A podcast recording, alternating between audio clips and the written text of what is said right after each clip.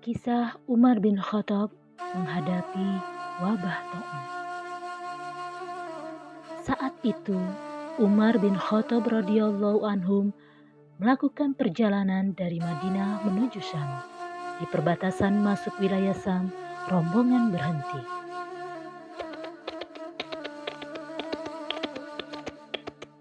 Hiya.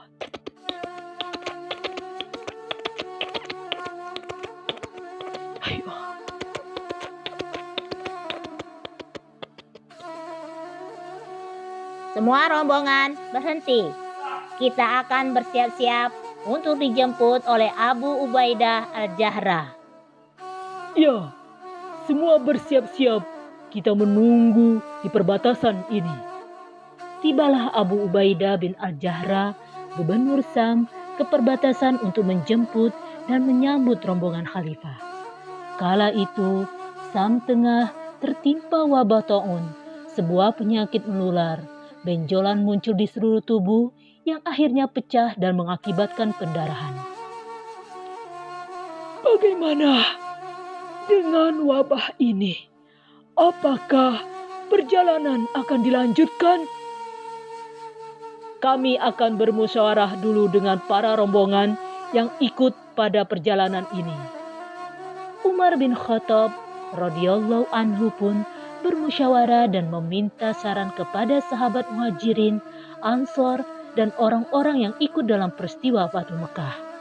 Apakah akan melanjutkan perjalanan masuk ke Sam atau kembali ke Madinah? Perbedaan pendapat terjadi. Akhirnya diambil sebuah keputusan untuk tidak melanjutkan perjalanan ke Syam karena adanya wabah taun yang melanda.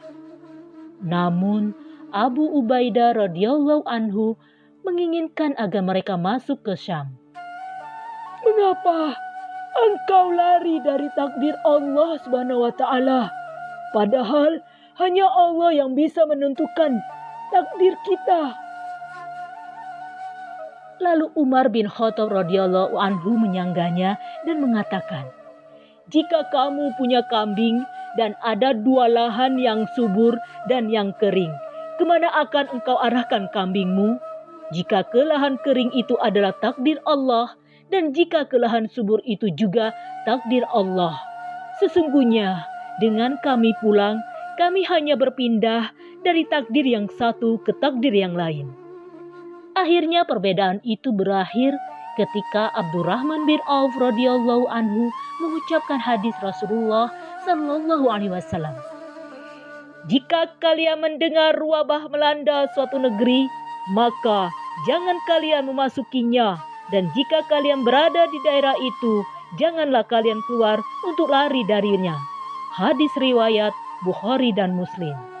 Akhirnya Umar dan rombongan kembali ke Madinah. Sementara itu, Abu Ubaidah radhiyallahu anhu tetap ingin hidup bersama rakyatnya dan mati bersama rakyatnya. Sampai akhirnya Abu Ubaidah, Muaz bin Jabal, Suhail bin Amr, dan sahabat-sahabat mulia lainnya radhiyallahu anhum wafat karena wabah tersebut.